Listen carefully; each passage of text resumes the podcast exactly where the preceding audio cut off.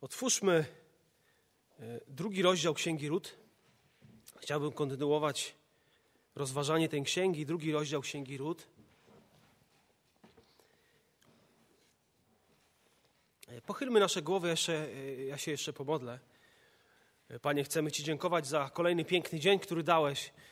Dzięki Ci za tą sposobność spotkania się w takim gronie. Panie, modlę się o tych, którzy siedzą w tej sali, o tych, którzy słuchają nas.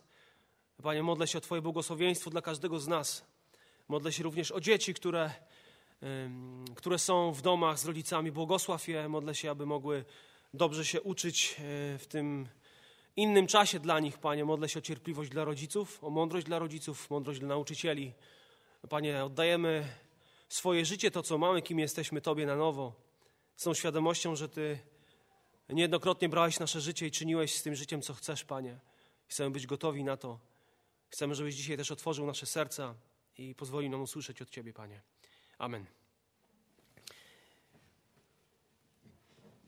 Czy kiedykolwiek doświadczyliście niezwykłego cudu y, Bożego zaopatrzenia? Czy były takie sytuacje, że po prostu coś nie miało prawa się stać, ale się zadziało i wiedzieliście, że to był On? Ja myślę, że każdy z nas znalazł się w takiej sytuacji pewnego kryzysu, pewnej niemożności, niemożliwości, zerowych szans, a nagle te szanse się znajdowały, znajdowały bo, bo wkraczał w naszą codzienność ten, którego uwielbiamy, dla którego żyjemy. Ja również przypominam sobie różne sytuacje, kiedy Pan Bóg wkraczał i to nie było takie wkraczanie widoczne dla mnie, takie z przytupem. On to robił w niezwykły sposób. Cud zaopatrzenia. Dzisiaj chciałbym o tym mówić. I pytanie, czy doświadczamy właśnie takiego cudów, takich cudów zaopatrzenia i czy kiedy to się dzieje, czy jesteśmy Bogu wdzięczni? Czy doceniasz to, co Pan Bóg robi każdego dnia dla Ciebie?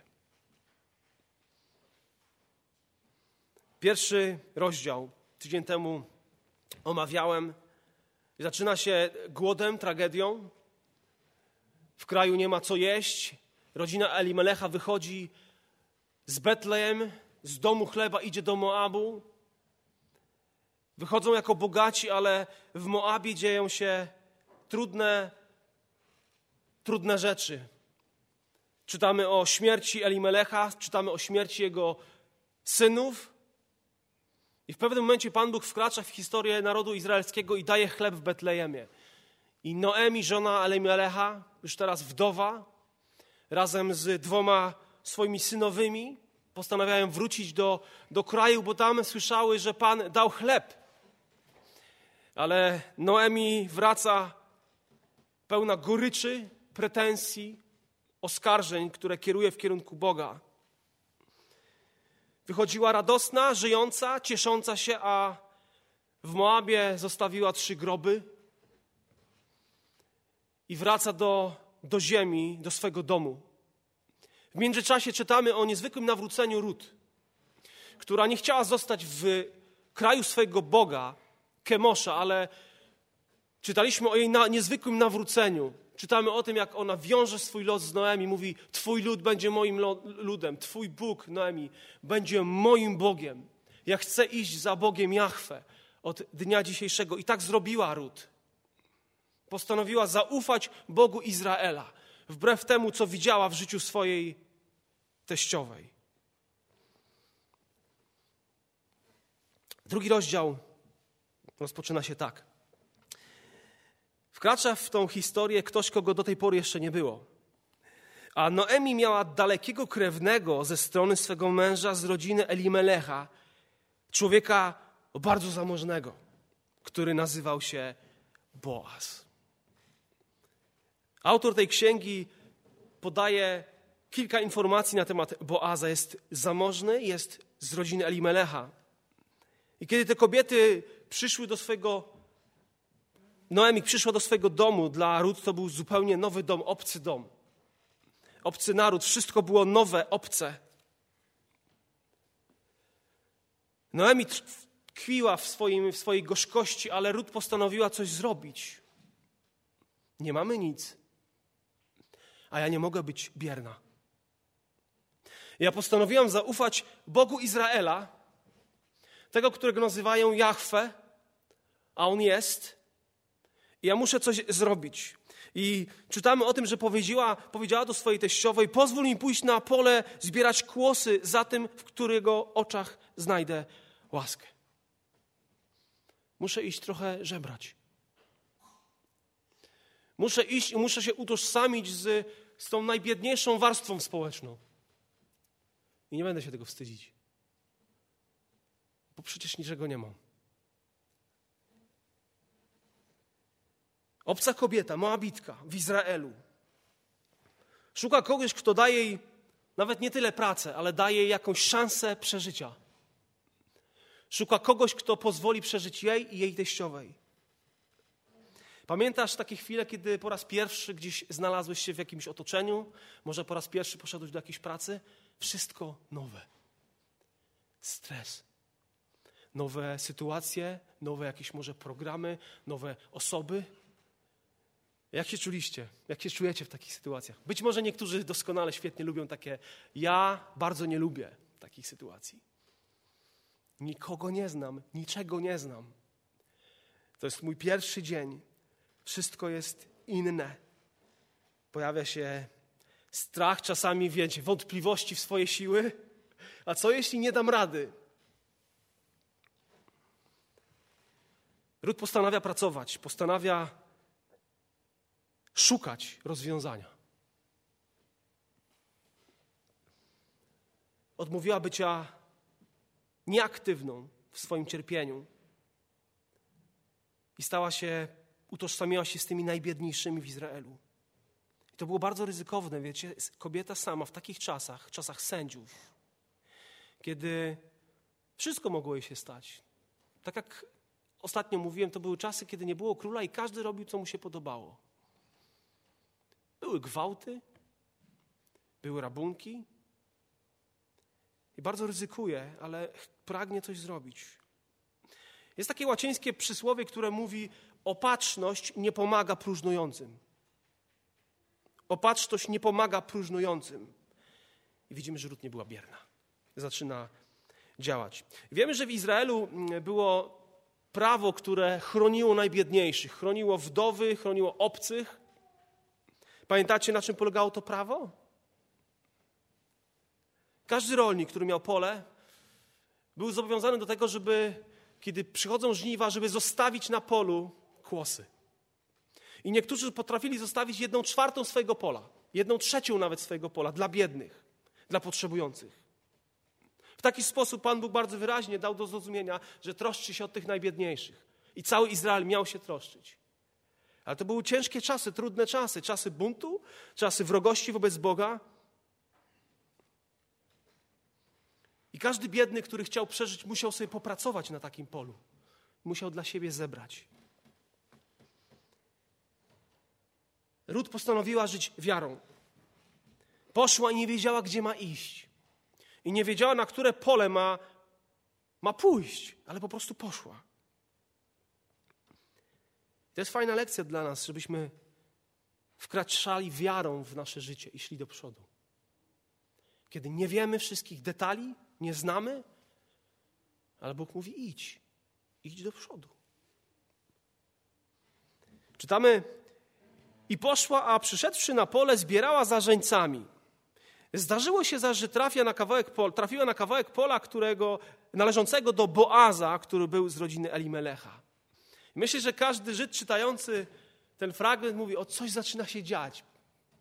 Przypadek? Zdarzyło się?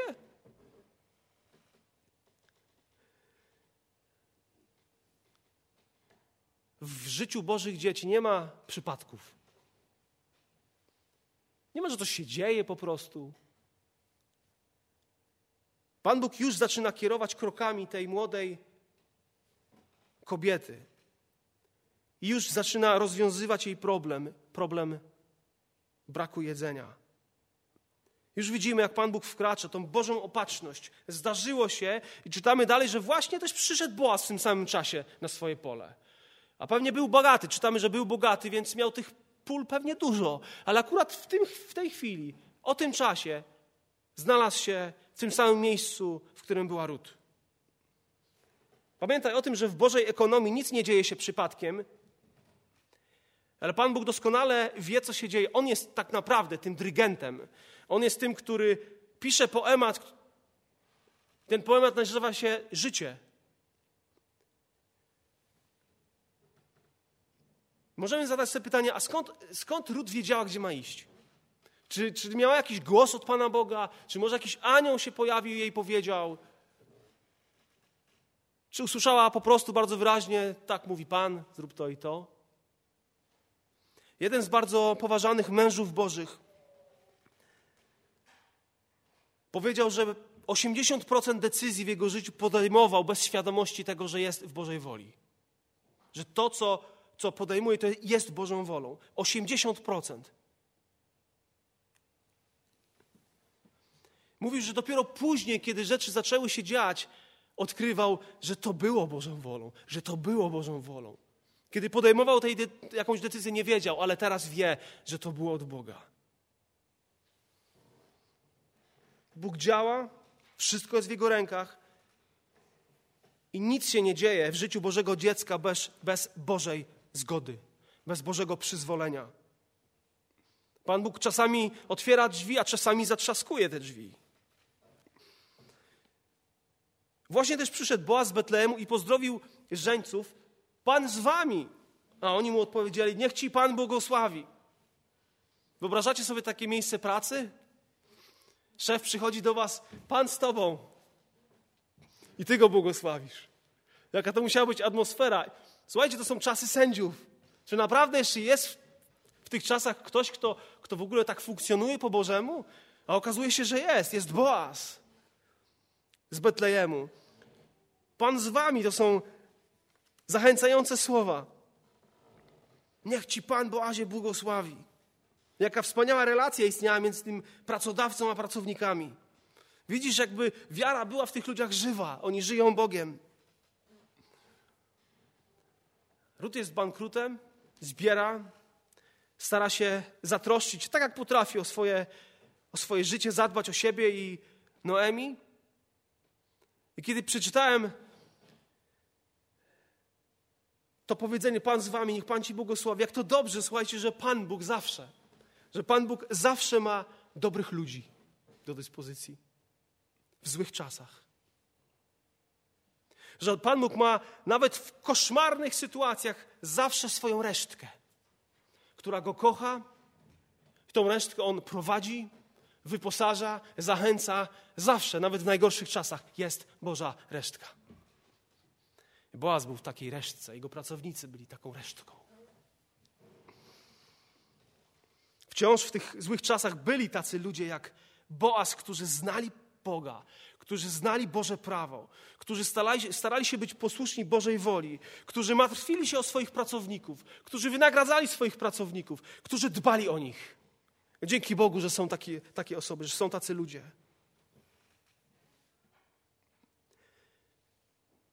I Pan Bóg, kiedy działa w naszym życiu, to jest niezwykłe, to jest dla nas taka rozkosz. Jak widzimy, jak On wkracza, ale w większości przypadków to jest tajemnica. Ja nie wiem, co zrobić, ale podejmuję taką decyzję. Pan Bóg realizuje swoje cele, czy my zdajemy sobie z tego sprawę, czy nie.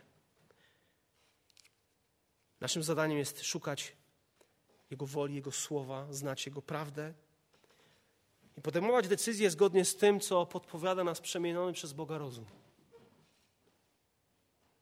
Ja lubię mówić, Boże, podejmuję taką decyzję, ale jeżeli totalnie chybiłem, to ja wierzę, że jesteś w stanie mnie zatrzymać. Że będziesz prostował te ścieżki, które trochę pokrzywiłem. I taki jest Bóg. I kiedy Boaz przywitał się ze swoimi pracownikami, nagle zobaczył piękną dziewczynę, młodą dziewczynę. Przestał gadać o polu, o żniwach, przestał rozmawiać z pracownikami i nagle zobaczył kogoś, kogo wcześniej nie widział. Zobaczył urodziwą, piękną Rut. I myślę, że się zakochał. Zaczął się zastanawiać, ja znam moich pracowników, ale kim jest ta kobieta? Od tego momentu, kiedy ją zobaczył, koncentruje się na niej. Zaczyna rozmawiać o niej. młoda kobieta. I z pewnością ona była dostrzeżona w Betlejem przez młodych mężczyzn. Wiemy, że kiedy przyszła Noemi do, do Betlejem razem z Rut, to wszyscy huczeli w tym mieście. Noemi wróciła. Kim, kto jest tą kobietą obok niej? Co się stało? Dlaczego ona tak wygląda? Dlaczego każe, żebyśmy nazywali ją Mara, czyli gorzka, a nie słodycz, radość?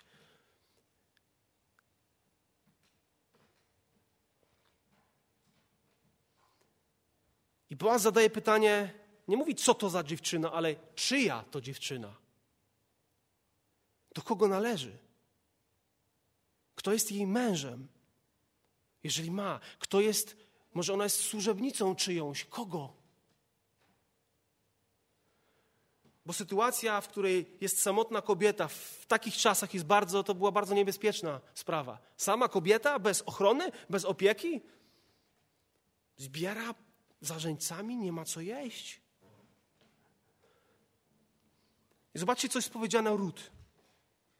Sługa zaczyna, zaczyna mówić, jest to młoda Moabitka, która powróciła z Noemi z pól moabskich. Powiedziała ona do mnie, chciałabym zarzeńcami zbierać i składać kłosy między snopami, a odkąd tylko przyszła rano, trwa przy pracy aż dotąd, ani chwilki nie odpoczywa. Jest pracowita. Rut wiarą wyszła ze swojego domu, tam gdzie była Noemi i zaczęła pracować. Jest pracowita, jest gotowa do poświęcenia. I Boaz postanawia z nią porozmawiać. Zaczyna rozmowę.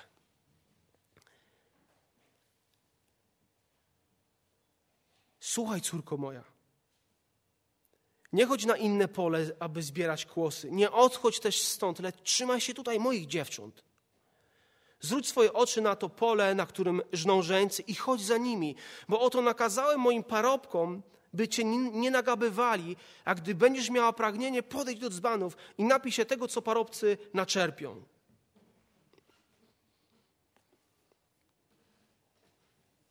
Ja myślę, że ona nie mogła uwierzyć w to, co słyszy. Nie oczekiwała tego, że ktoś ją nakarmi. Nie oczekiwała jakiegoś przyjęcia, a teraz wszyscy będą się jej kłaniać. Proszę bardzo, tutaj jest dla ciebie takie jedzonko. Miała nadzieję, że znajdzie tylko kogoś, kto pozwoli jej żebrać, zbierać. A nagle pojawia się ktoś, kogo ona nie zna.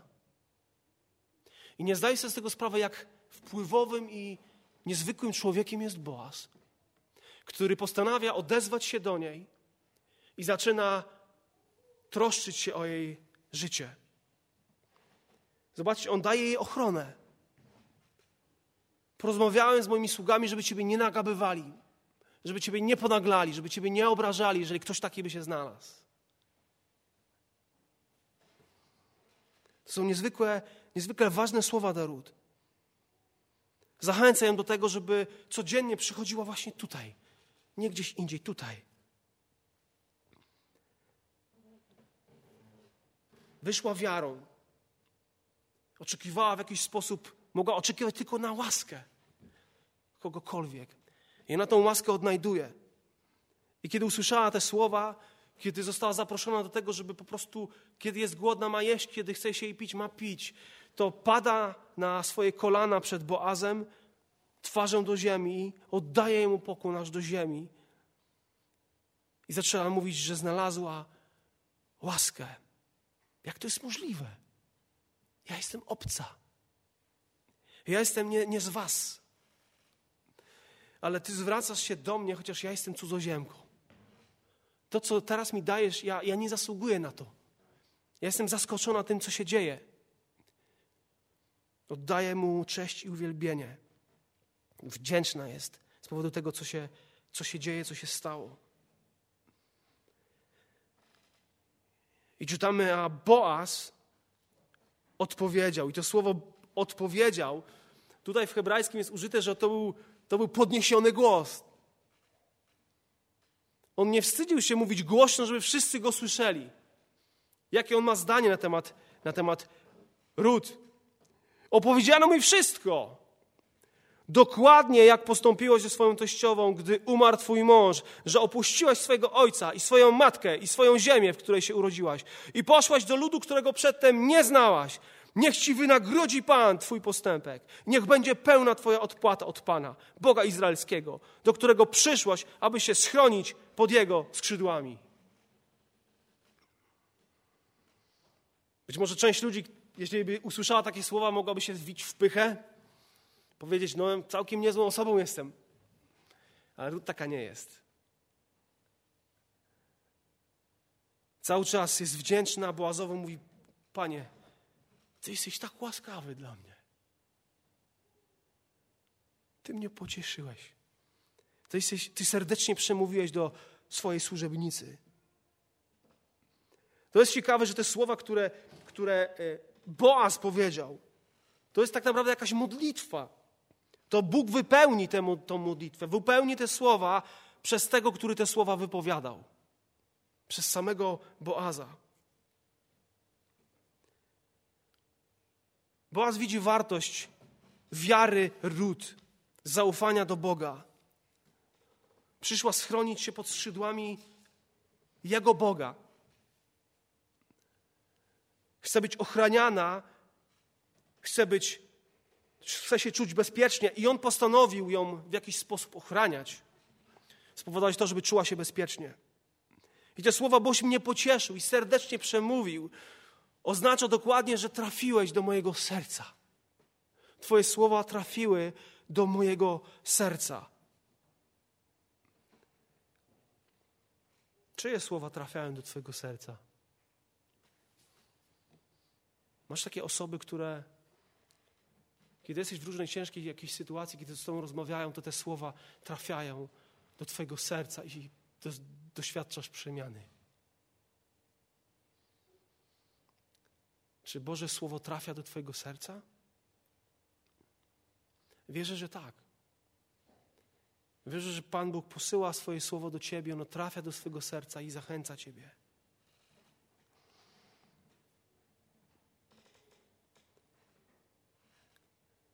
Ona mówi: Pocieszyłeś mnie, chociaż nie mogę się nawet równać z żadną z Twoich służebnic.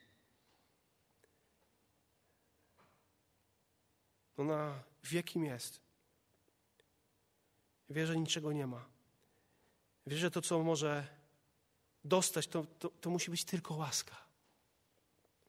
Jest uniżona, pokorna. Czytamy dalej. W porze posiłku rzekł do niej. Właśnie kiedy słudzy zaczęli się krzątać, kiedy praca już zwalniała, przyszedł czas posiłku. Ludzie zaczęli za, przygotowywać, tak, słudzy, posiłek, ale myślę, że Rut nie miała niczego do jedzenia przy sobie. I może zastanawiała się, e, co ja będę jadła. Ale Boaz powiedział jej wcześniej słowo obietnicę. I ona postanowiła chwycić się tej obietnicy. Niczego nie mam, ale on powiedział, że mam. I co czytamy dalej? Boaz, pan żniwa, zaprasza ją do stołu. Podejdź tutaj, jedz z tego chleba i maczaj swój, swoją kromkę w polewce. Przysiadła się więc do żeńców, a on podawał, on podawał jej prażone ziarno i najadła się dosyta i jeszcze jej zostało. Takie rzeczy nie zdarzały się w Izraelu.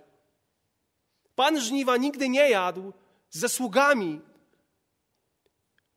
tylko z najlepszymi pracownikami, z rodziną, ale nie z jakimiś y, biednymi. Nie było takiej sytuacji, że podawał chleb komuś. To się nie działo na polu. Ale czytamy, że właśnie taki jest Boaz. On ją karmi, on ją błogosławi. On zaprosił ją do stołu. Mówi: jedz, pij. To jest mój dar dla ciebie. Czuj się wolna w tym. Rut wyszła ze swojego domu wcześniej rano, nie miała niczego, ale teraz czuje się, jakby była częścią jego rodziny, częścią jego pracowników. Zobaczcie, w jaki niezwykły sposób usłużył Rut przy stole. I kiedy powstała, kiedy się najadła, kiedy była gotowa znowu pracować, to Boaz wpadł na pomysł i chciał taki trochę, taki teatrzyk zorganizował. Zawołał swoje, swoje sługi i powiedział, mam, mam temat. Widzicie ją? Widzicie, jak, jaka jest dzielna, jak zbiera? Chciałbym, żebyście coś robili dla mnie, kiedy zbieracie te wszystkie kłosy. Kiedy nikt nie widzi, wypuszczajcie je trochę więcej na ziemię. Dobra? Każdy z was. I wyobraźcie sobie, że ci ludzie pracują, wszystko zbierają w takie wielkie kłosy, tak, w snopy i po prostu wyrzucają, żeby tak, żeby nikt nie widział, żeby ona się nie zorientowała. To musiało komicznie wyglądać, ale tak się działo. I ona zbierała i tego było coraz więcej i więcej i ciągle zbierała i zbierała i, i ciągle i ciągle. On, Boaz dał jej zaopatrzenie, dał jej również ochronę, tak jak wcześniej było powiedziane. On obiecał chronić ród, zaspokajać jej potrzeby i ona doświadczyła łaski, czegoś, czego nigdy do tej pory w tym, w tym kraju nie doświadczyła. Zbierała aż do wieczora. A gdy wymuciła to, co ona zbierała, uzbierała tego około efy jęczmienia. Efa to jest około od 18 do 22 litrów. To było około 15 kilogramów. Ale to nam nic nie mówi, no nie? Bo nie wiemy, ile taki pracownik, taka osoba mogła dziennie zarobić. To, co ona zebrała, to było ilość, która sta mogła starczyć jej na dwa tygodnie. Dwa tygodnie. Czyli nazbierała na cały tydzień jedzenia dla siebie i dla Noemi. Boaz był dobry. Boaz był łaskawy. I dzięki temu, że była pracowita, sumienna, dzięki temu, że uchwyciła się swojego Boga, poszła wiarą i zaczęła szukać rozwiązania Pan Bóg ją poprowadził na pole Boaza i stała się błogosławieństwem również dla swojej teściowej, dlatego że poszła. Może dzisiaj jesteś w pracy, w której widzisz, jak inni się obijają. Ty ciężko pracujesz, inni awansują, ale nie ty. Jesteś osobą zniechęconą. Jaki jest sens tej mojej pracy? Ale chcę Ci powiedzieć, że Chcę Cię zachęcić do, do uczciwości, do solidności, do tego, żeby ciężko pracować, bo to ma sens, bo to przynosi pożytek Tobie i innym. Może dzisiaj tego nie widzisz, ale jutro to zobaczysz. I kiedy wymuciła, zebrała to, przyszła do, do, do domu, do swojej teściowej i Noemi nie mogła uwierzyć. Gdzie ty byłaś? Skąd ty to masz? Taką ilość. Skąd ty to masz? Pamiętacie, jaki był ostatni obraz Noemi? Gorzka. Nie nazwajcie mnie przyjemnością, słodyczą, jestem gorzka. Wszechmocno się zwrócił przeciwko mnie. I nagle to zaczyna się odmieniać, jej postawa. Już teraz nie oskarża Boga, ale zaczyna mówić: Niech będzie błogosławiony ten, który zwrócił na ciebie uwagę. Kto to jest? I wtedy opowiedziała swojej teściowej, u kogo pracowała i rzekła, ten mąż, u którego pracowałam dzisiaj, nazywa się Boaz. I wtedy te wiadomości, które miała Rut i te wiadomości, które ma Noemi, zbiegają się do kupy. Rut nie zna Boaza, ale Noemi doskonale zna Boaza. To jest nasza rodzina. To jest rodzina mojego męża. I w tym momencie myślę, że nadzieja wkroczyła do serca Noemi. Już nie gorzkość, ale nadzieja, że będzie lepiej. Zobaczyła tą ilość jedzenia. Ba, jeszcze y, Ruth przyniosła jej lunch, to co zostało. Taki bonus. Pojawiła się nadzieja. Ktoś powiedział, że nadzieja to jest tajna broń lekarzy. Nadzieja. Kiedy dajesz pacjentowi nadzieję, To jest to wewnętrzne poczucie takiej radosnej pewności, gdy, gdy ufasz Bożym obietnicom, gdy ufasz Bogu. I jakby z Jego pomocą patrzysz w przyszłość. Niech mu błogosławi Pan, który nie zaniechał swego miłosierdzia dla żywych ani dla umarłych. Powiedziała jeszcze nami, mąż ten jest naszym bliskim krewnym, jednym z naszych wykupicieli. Dzisiaj nie chcę o tym mówić. Na temat wykupiciela powiemy, powiemy za tydzień. Niech będzie błogosławiony. Nadzieja. Mówi o miłosierdziu i mówimy o krewnym wykupicielu. I Rut dodaje jeszcze, że ten, ten człowiek, ten Boaz, powiedział do mnie: Przyłącz się do moich służących aż do czasu zakończenia całego mojego żniwa. Ale mówi: Rut, mam pracę dla ciebie.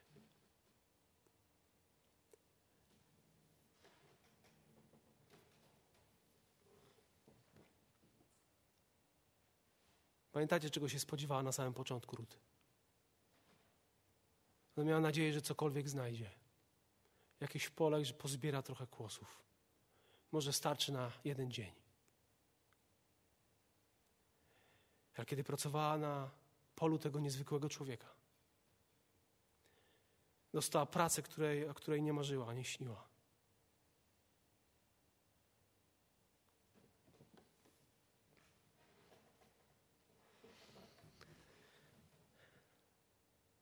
Wtedy Noemi zachęciła ją, nie oddalaj się nigdzie, bądź tam. Trzymaj się tego człowieka. Chodź za, za jego służbą, pracuj z nimi. I czytamy, i przyłączyła się do służących Boaza, aby zbierać, dopóki nie zakończono żniwa jęczmiennego i żniwa pszenicznego. Żniwo jęczmienne to było gdzieś połowa marca do połowy maja, a żniwo pszeniczne to gdzieś około czerwca, lipca.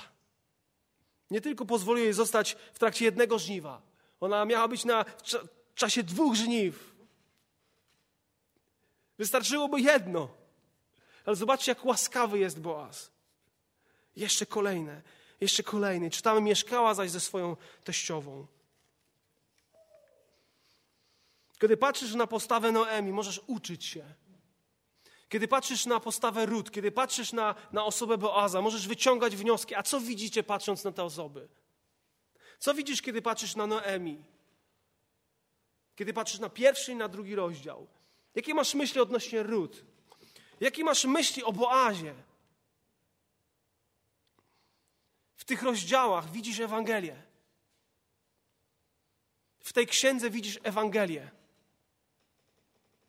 Widzisz lekcje, których możemy się uczyć. Między innymi, gdy wszystko wydaje ci się iść po prostu w złą stronę, to Bóg działa dla Twojego dobra. Czy zdajesz sobie z tego sprawę, czy nie? On działa dla Twojego i mojego dobra i dla swojej chwały. Próby i doświadczenia to są często te Boże narzędzia, to są te środki w dostarczaniu nam zaopatrzenia. My tak na to nie patrzymy. Kiedy czytam tą historię, to widzę, że Pan Bóg, zanim zmienia okoliczności czy sytuacje, to On najpierw chce zmienić Twoje i moje serce, Twoją i moją postawę. Kiedy czytam tą historię, to widzę, że Boże zaopatrzenie nie spada z nieba. Tak byśmy oczekiwali. Idę, znalazłem pieniądze. Nie było, nagle jest. Zobaczcie, w jaki sposób Pan Bóg działa. Bóg zaopatruje, to Boże zaopatrzenie przychodzi w i przez czyny człowieka. Przez Twoje i moje czyny. Pan Bóg zaspokaja potrzeby innych. Przez Twoją i moją dobroć. Pan Bóg dociera do tych potrzebujących. Jego metodą są ludzie. To jest super, że w najgorszych czasach Bóg zawsze ma swoją resztkę. Tych, którzy go słuchają, którzy go szanują. I Bóg pokazał swoją dobroć dla Rut i Noemi, jak właśnie poprzez Boaza, poprzez to, co on zrobił. Pamiętaj o tym, że to w działaniu doświadczasz Bożego błogosławieństwa. W działaniu. Kiedy z wiarą wkraczasz, idziesz do przodu. Wtedy Pan Bóg może działać, może kierować Tobą, ale nie da się kierować kimś, kto stoi. Boaz nie traktuje ją, nie traktował Rut jako wyrzutkę, ale jakby traktuje ją tak, jak, jakby była częścią jego rodziny. On ją ochrania, bo to było jego serce, ochraniać słabych. On ją zaopatruje, bo to było w jego sercu, pomagać innym.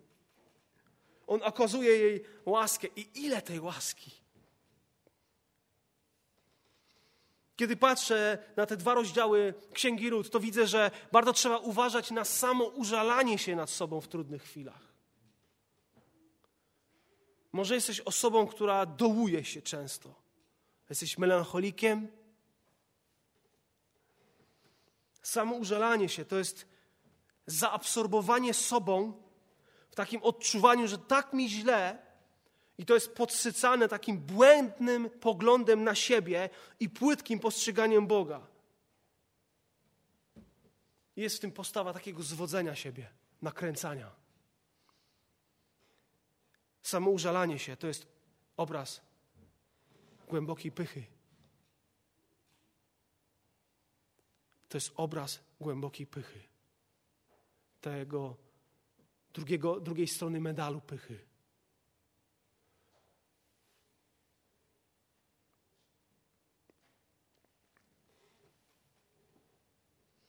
Kiedy patrzę na tą księgę, widzę, że często nie jestem w stanie dostrzec, jak Bóg zaopatruje, jak Bóg działa dla mojego dobra.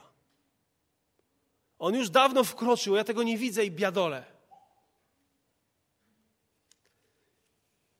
Nasza uczciwość i wierność w pracy mają znaczenie dla Boga i dla innych ludzi. A więc troszcz się o tych, którzy są wokół Ciebie. Bo to ma znaczenie dla tych ludzi i przede wszystkim to ma znaczenie dla Twojego Boga. Kiedy czytam tą historię, też widzę zasadę żniwa. Idąc na żniwo, idąc na Boże żniwo, nie będziesz głodny. Pan żniwa zatroszczy się o ciebie. Tylko pytanie, na którym polu jesteś dzisiaj? Na którym żniwie? Pamiętacie, że Boaz zachęcał lud, nie chodź gdzieś indziej. Noemi to samo powiedział, trzymaj się tych, tych kobiet, tych sług Boaza.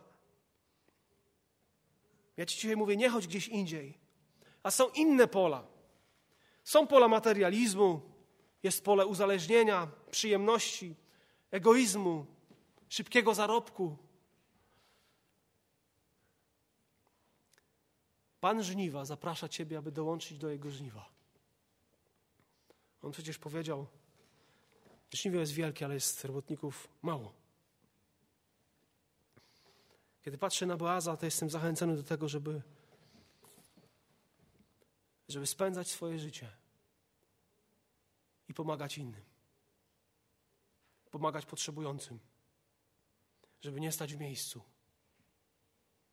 żeby być w tym niezwykłym żniwie mojego Ojca, mojego Zbawiciela, aby pokazywać troskę innym, aby zaczynać od swojego domu, aby zaczynać od swojego kościoła, aby zaczynać od swojego sąsiedztwa. Bo przecież wierzymy, że Przecież Bóg wymierza sprawiedliwość. Sierocie, wdowie, On się troszczy i robi to przez ludzi. W dzisiejszym świecie tak myślę, że trudno jest znaleźć osoby, które są tak bardzo podobne do Boaza. Żyjemy w świecie, w którym troszczymy się o siebie przede wszystkim. Troszczymy się o samych siebie. Troszczymy się o swoje firmy, no trzeba się troszczyć, ale ta troska często się przeradza i może się przeradzić w takie skąpstwo, w niedocenianie drugiego człowieka.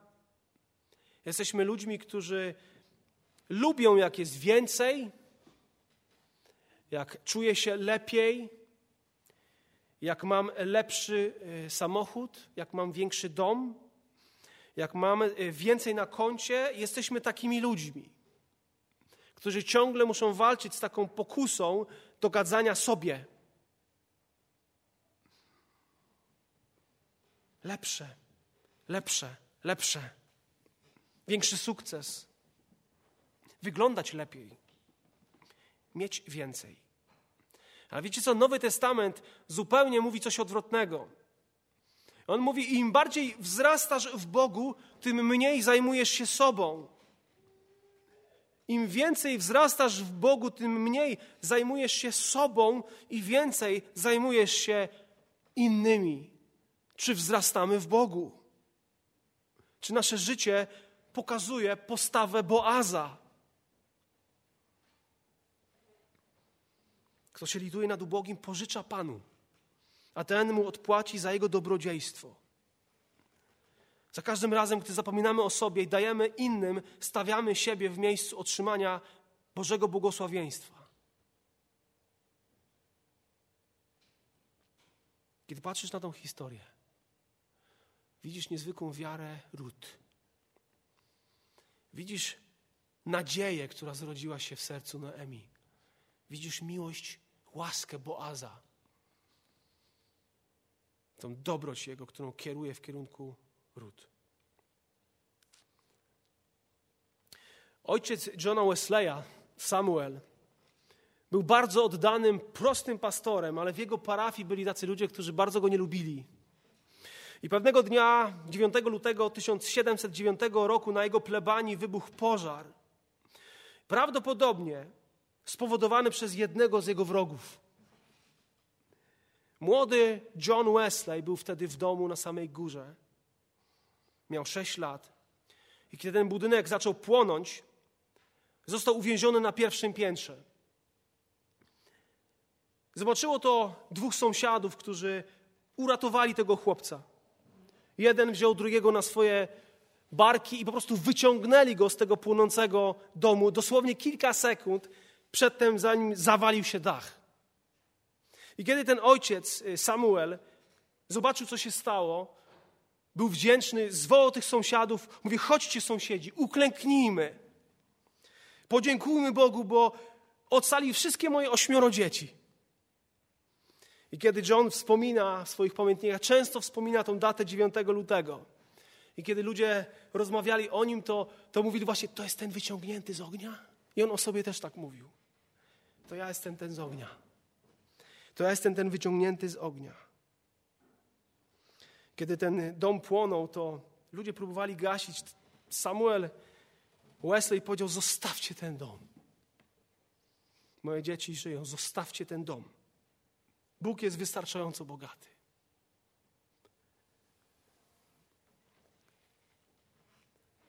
Samuel Wesley pracował przez 40 lat i widział bardzo mało owoców. Ale zastanów się, co osiągnęła jego rodzina. Co osiągnął Carol Wesley, John Wesley.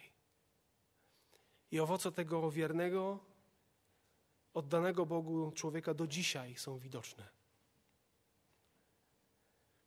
Wiara, nadzieja, miłość, poświęcenie, łaska.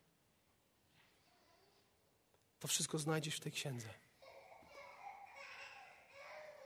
Niech Boże imię będzie uwielbione. Podziękujmy Bogu za Jego dobroć, za Jego miłość, za Jego łaskę za to, że jesteś źródłem nadziei. Powstańmy do modlitwy.